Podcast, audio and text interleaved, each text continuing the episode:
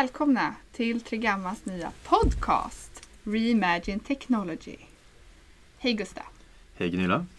Vad är det här för podcast? Det här är en informatorisk podcast om eh, vad vi gör på Trigamma. Eh, lite vad vi jobbar med, interna initiativ, lite artiklar vi släpper.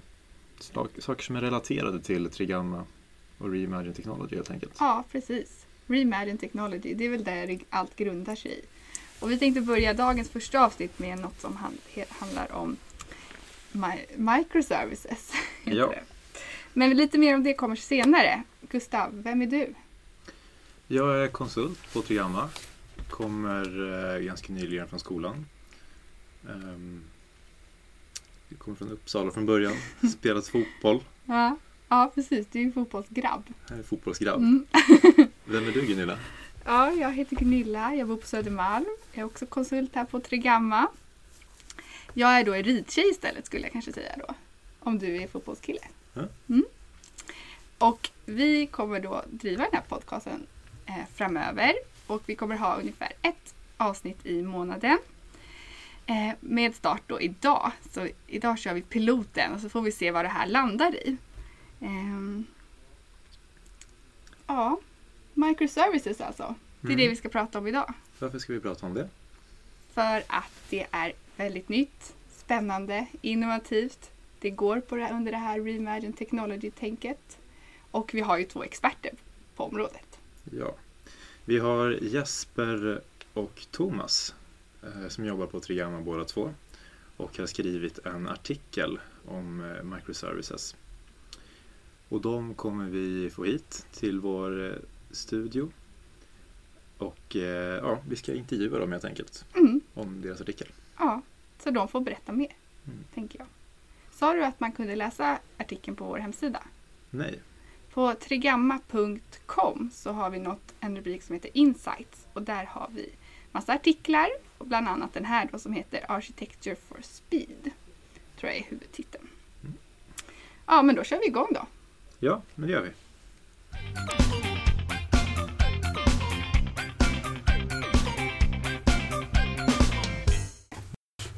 Ja, men välkomna Jesper och Thomas till första podcastavsnittet som vi gör här på Trigamma.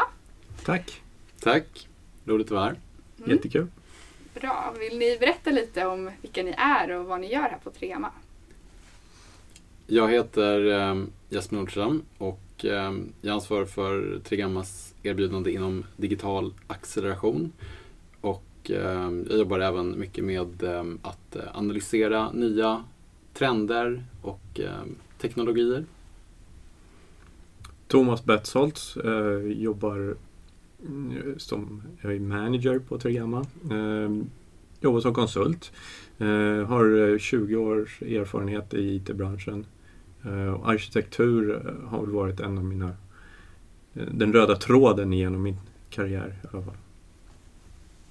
Du har varit utvecklare? Eller? Ända från utvecklare, ja, stämmer. Eh, och eh, nu ända upp till Enterprise-arkitektur. Så en, stor stack har jag varit med om. Ja. Mm.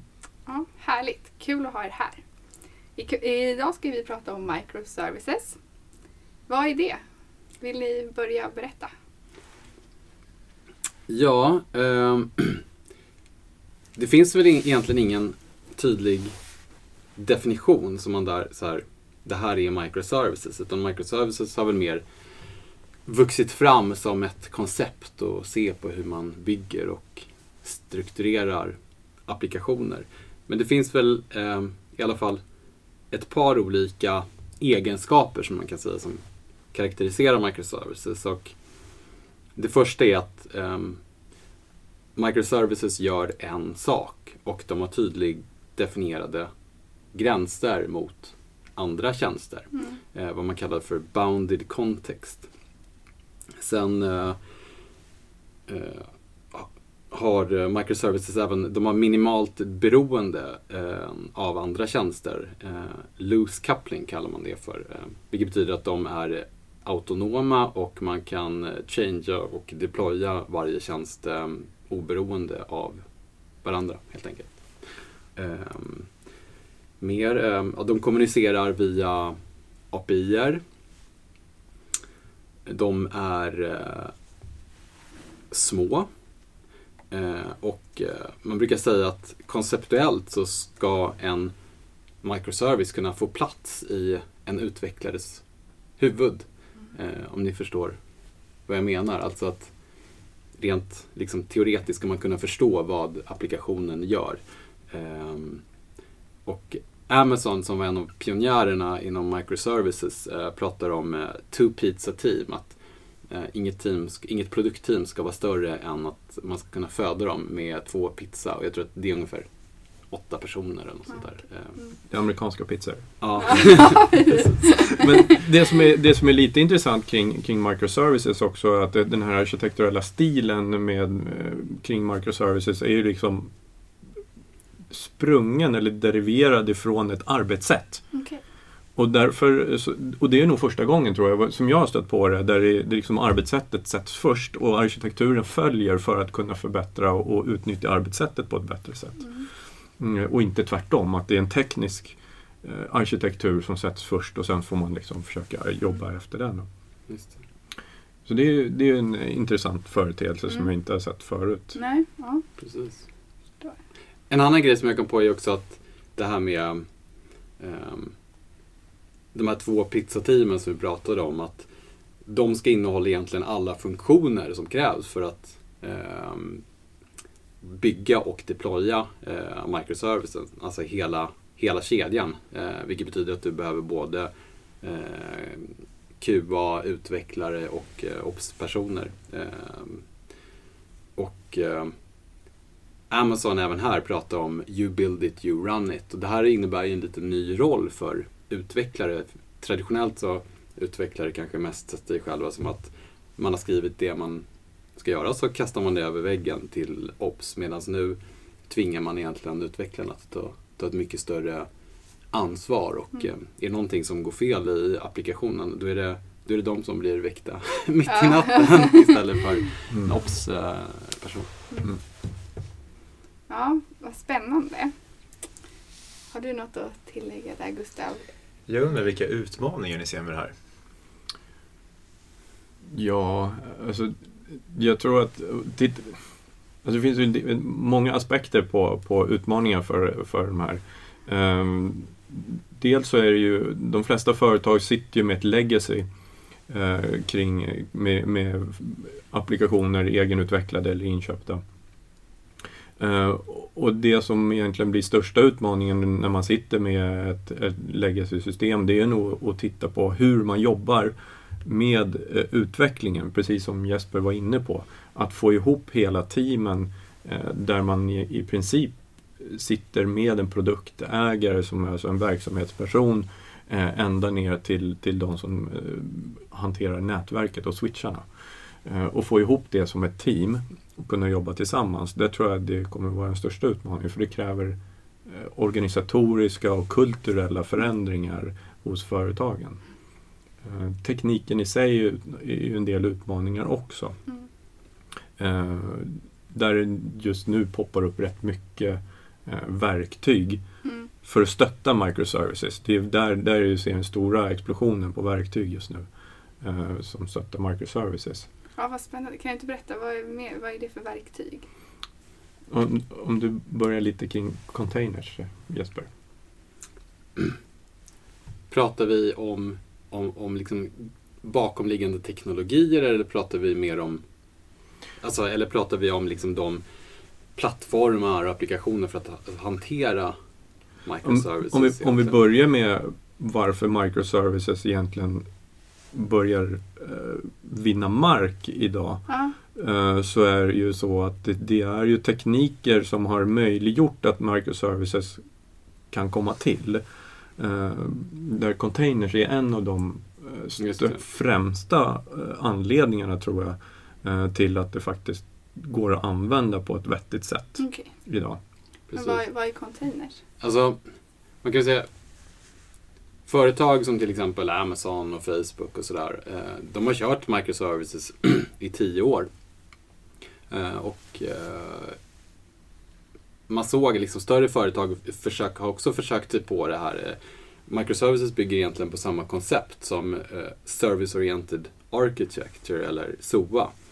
Som aldrig riktigt liksom slog igenom, man fick inte det där att funka på grund av olika skäl som att man hade liksom rätt dålig governance, inte det som behövdes och man hade inte, det fanns inte eh, de underbyggande teknologier som krävdes för att liksom, vilka företag som helst skulle kunna börja jobba med det här. Och det som har kommit på senaste åren är ju då eh, Docker som populariserade och tillgängliggjorde den här containerteknologin. Och containers betyder egentligen att eh, precis på samma sätt som containers inom skeppningsindustrin liksom mm. revolutionerade den industrin. Så att, eh, man hade ett standardiserat format som liksom kunde, du kunde flytta containers genom hela värdekedjan.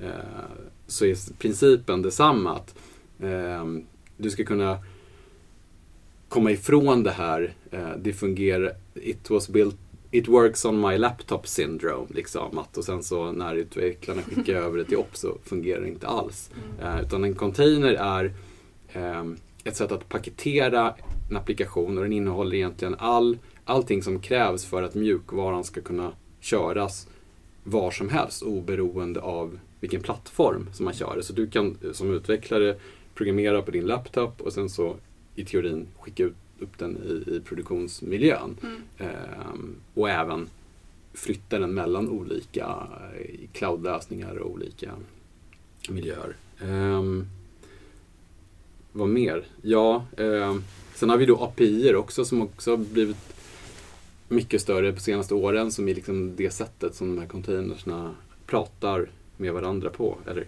microservicerna pratar eh, med varandra på i alla fall.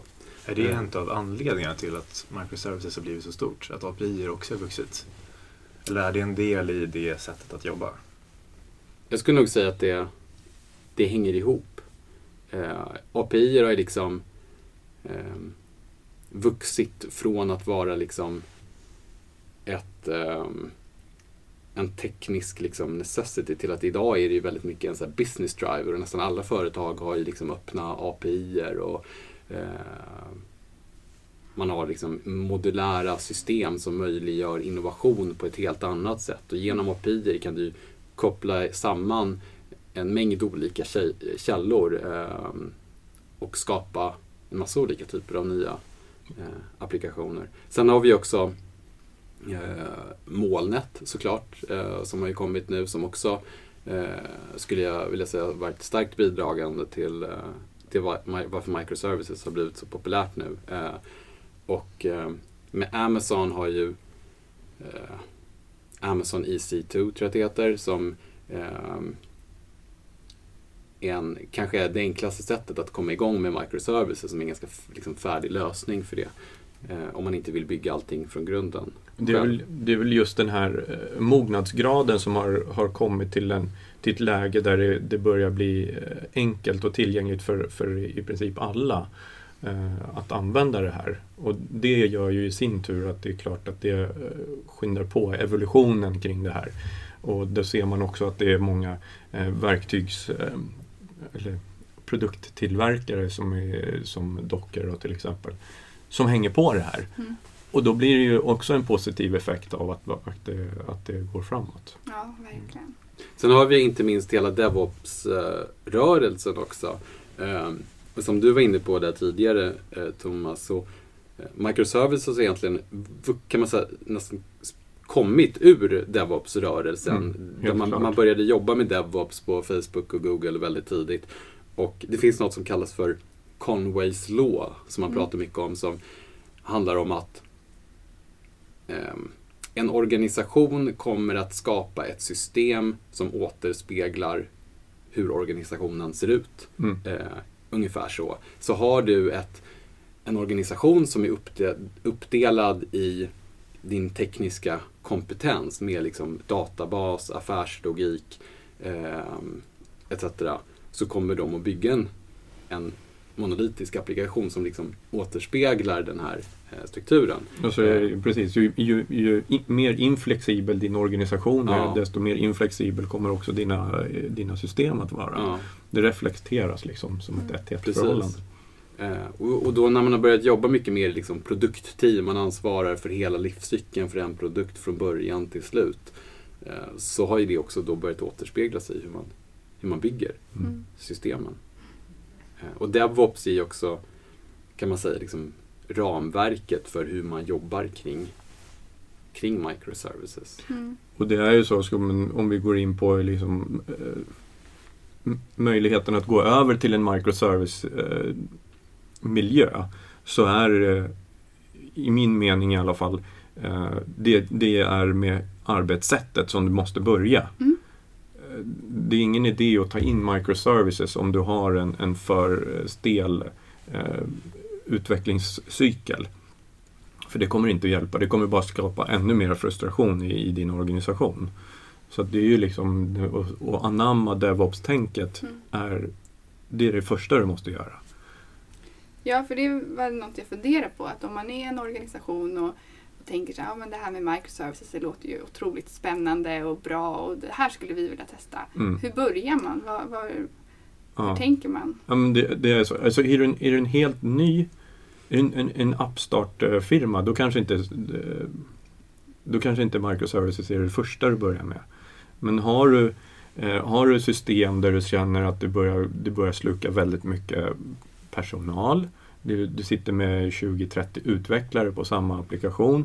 Då kan det börja bli dags att fundera på att faktiskt gå över till en microservice Mm. eh. Men det som sagt innebär ju inte att du, du börjar med att bryta isär din applikation utan då får du börja med att titta på men hur jobbar vi med de här applikationerna? Hur, hur fungerar vår utvecklingscykel? Har man en utvecklingscykel på, på kvartalsvis releaser Mm.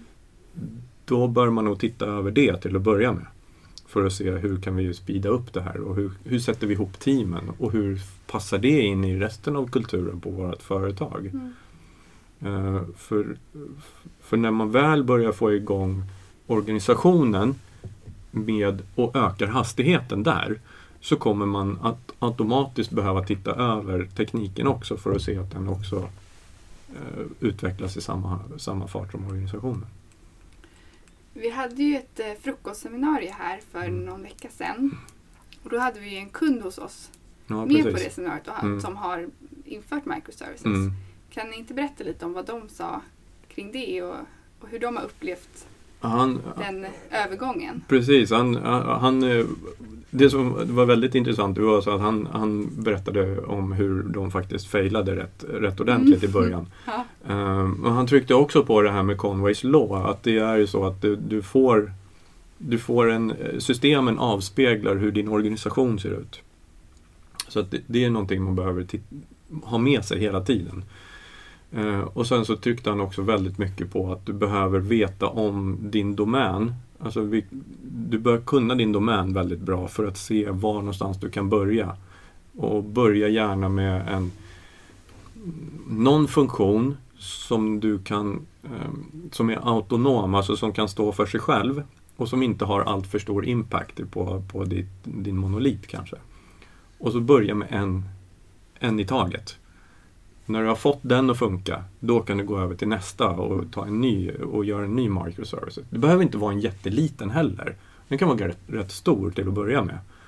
Eh, om man nu kan säga stora microservices. Men den behöver inte vara perfekt heller utan du kan nu förädla den eh, längs vägen. Eh, och det var väl en del av den lärdomen som de hade också. att De failade rätt hårt. På, jag kommer inte ihåg exakt han, hur han uttryckte det men eh, det, det var just Conways Law som var en, en, en faktor och att de eh, inte förstod riktigt domänen som de, som de jobbade i. De byggde väl också för små så, eh, tjänster? Exakt, de gjorde den lite för fingranulär eh, och för generisk på något sätt. För att, för att få den här, och det är ju tanken att de, man måste ju inte bara den tekniska domänen som man måste veta om utan även affärsdomänen som den här ska serva. Så att man inte bygger för fingranulära microservices så att de, det blir så one size fits none eh, typ. Mm. Utan det ska faktiskt ha ett business-syfte den här microservices. Precis. Nej, men han pratade just, vad var det han sa? Att, alltså att 80 procent eh, av det man skulle ta med sig från hans presentation, det var just det här med hur viktigt det är att man designar sina domäner eh, och får det, mm. eh, får det rätt. Liksom, för att det kan bli ganska knepigt att, att ändra i, i efterhand. Mm. Ehm. Mm. En sak som ni, ni har touchat lite på det, men skulle ni kunna beskriva tydligare vilka fördelar som man kan vinna med att gå över till microservices-tänket? Alltså, jag tror att en av de primära sakerna, det har att göra med, med att eftersom microservices är, då, har få beroenden och de är autonoma och man kan uppdatera dem oberoende av andra tjänster så kan man ju eh, uppdatera och deploya dem väldigt snabbt. Eh, och eftersom du inte jobbar Eftersom du jobbar in, in liten, i ett litet team med åtta personer Eh, så fastnar du heller inte i, eh, i en massa bottlenecks och, och eh, lång, mycket koordineringar med i väldigt stora team som ofta är ehm, du har när du jobbar med monoliter. Så du kan väldigt snabbt liksom få ut ny funktionalitet. Ehm, en annan sak är ehm, skalbarheten. Och eh, menar, när du har en, en, monolit så har du all funktionalitet i, i samma process. Om du, när man ska, för att skala upp en monolit så skapar man egentligen liksom kopior av, av hela applikationen, vilket är ett väldigt ineffektivt sätt att göra det på eftersom det kanske bara är en liten del i den här monoliten där, eh, som behöver skalas upp. Eh, Medan i microservices så finns ju varje funktionalitet i varje tjänst. och då eh, replikerar man egentligen bara de tjänsterna där, eh, som behövs. Vilket gör att man får en mycket mer effektiv användning av eh, resources och, eh, koden. Ehm, sen, ehm, man brukar prata om eh, resiliens eh, eller stabilitet. Ehm, vilket handlar om att eh, eftersom då, man har då lö lösa kopplingar och en tydlig definierad eh, domän så minimerar man vad ska man säga, impacten på liksom hela applikationen om någonting går snett. Eh, som en till exempel instans av en, en microservice fallerar eh, så i bästa fall så händer ingenting och om alla instanser av eh, en applikation eller av en microservice fallerar så eh, mister man bara den funktionaliteten, till exempel på Amazon, då kanske rekommendations, eh, rekommendationen är typiskt en sån här grej som ofta inte har fungerat som den ska, men då fungerar resten av, av sajten eh, som den ska. Eh, sen är det ju också det här med eh, att va, ma, varje microservice, är, man kan se dem som legoblock som man kan liksom sätta ihop på en massa olika sätt beroende på precis vad, vad det är man eh, man vill göra. Eh, och eh, man kan liksom flytta dem mellan olika plattformar. Eh, en annan sak är vad man kallar för polyglott, att man kan använda olika teknologier istället för att du är bunden till ett programmeringsspråk till exempel så kan du välja det språket som passar bäst för vad du vill, du vill göra. Mm. Ja, så det ja. finns, man kan säga att det finns, det finns många fördelar helt ja, enkelt. Ja ja, men vi har förstått det här nu att det är utmaningar absolut och man måste ha koll på sin organisation och sådär. Men fördelarna låter ju väldigt bra. men har ni något mer att tillägga? Annars tänker jag att vi kanske ska börja avsluta den här podcastavsnittet. Eh, är det något mer ni kommer på på rak arm? Vill ni kort sammanfatta vad, vad microservices är igen? Eller tror ni att vi har fått en bra bild nu kanske? Jag tror att vi har fått, uh, fått med det mesta. Mm. Vill man eh, läsa mer så har vi, jag och Thomas har skrivit en uh, artikel som finns på Triggammas hemsida som heter Architecting for Speed. How Agile Innovators Accelerate Growth Through Microservices. Uh, så den kan man gärna titta på om man är mer intresserad. Uh, sen finns det väl även, finns det även en bok som heter Building Microservices av ja. Sam Newman som lite är liksom har blivit bibeln inom området. Vi pratade även om domändriven design. Det kom också en bok för tio år sedan som heter just Domain Driven Design. Eh, som också blivit en sån här go-to resource för, eh, för microservices. Mm. Ja, grymma tips. Mm. Annars är väl, kan man ju säga att eh, microservices är ju en, eh, en enabler till eh, innovation och utveckling för ditt företag. För det, det är nog där vi kan se den största potentialen just nu. Ja. Men sen tror jag också att, att om du är en startup och snabbt vill bygga en applikation till exempel, så då är det inte säkert att microservices är rätt för dig. För att, alltså, Det Det finns fin- en viss overhead bara. Ja, det finns en komplexitet i microservices som gör att alltså, du, i, i principen genom till exempel Ruby on Rails kan du ganska snabbt bygga en, en app med den funktionaliteten du vill på ett par dagar. Mm. Eh, och det skulle ta kanske flera veckor att göra genom microservice. Så, så som du sa där, eh, det är först när man kommer över liksom en viss komplexitetsnivå som det kanske är, börjar bli aktuellt. Ja, men vad bra. Men tack så jättemycket att ni ville Tack så mycket. Tack själva! Ja, jätteroligt att ha er med.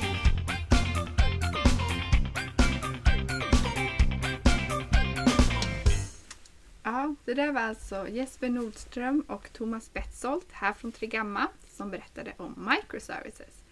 Vad tycker du? Visst var det bra? Mm. Ja, de är verkligen duktiga på det här. De, eh, de kan sitt område, måste man väl ändå säga. Ja, jag tycker att det är imponerande.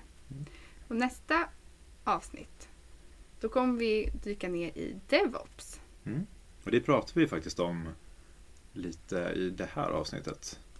Ja, De sa, det var ju lite av en förutsättning nästan för microservices att man har den kulturen.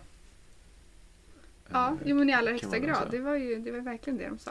Mm. Så det blir spännande att få djupdyka ännu mer inom de här områdena. Mm. Så nu är det fredag eftermiddag. Börjar Mm. bli dags att gå hem kanske. Ja.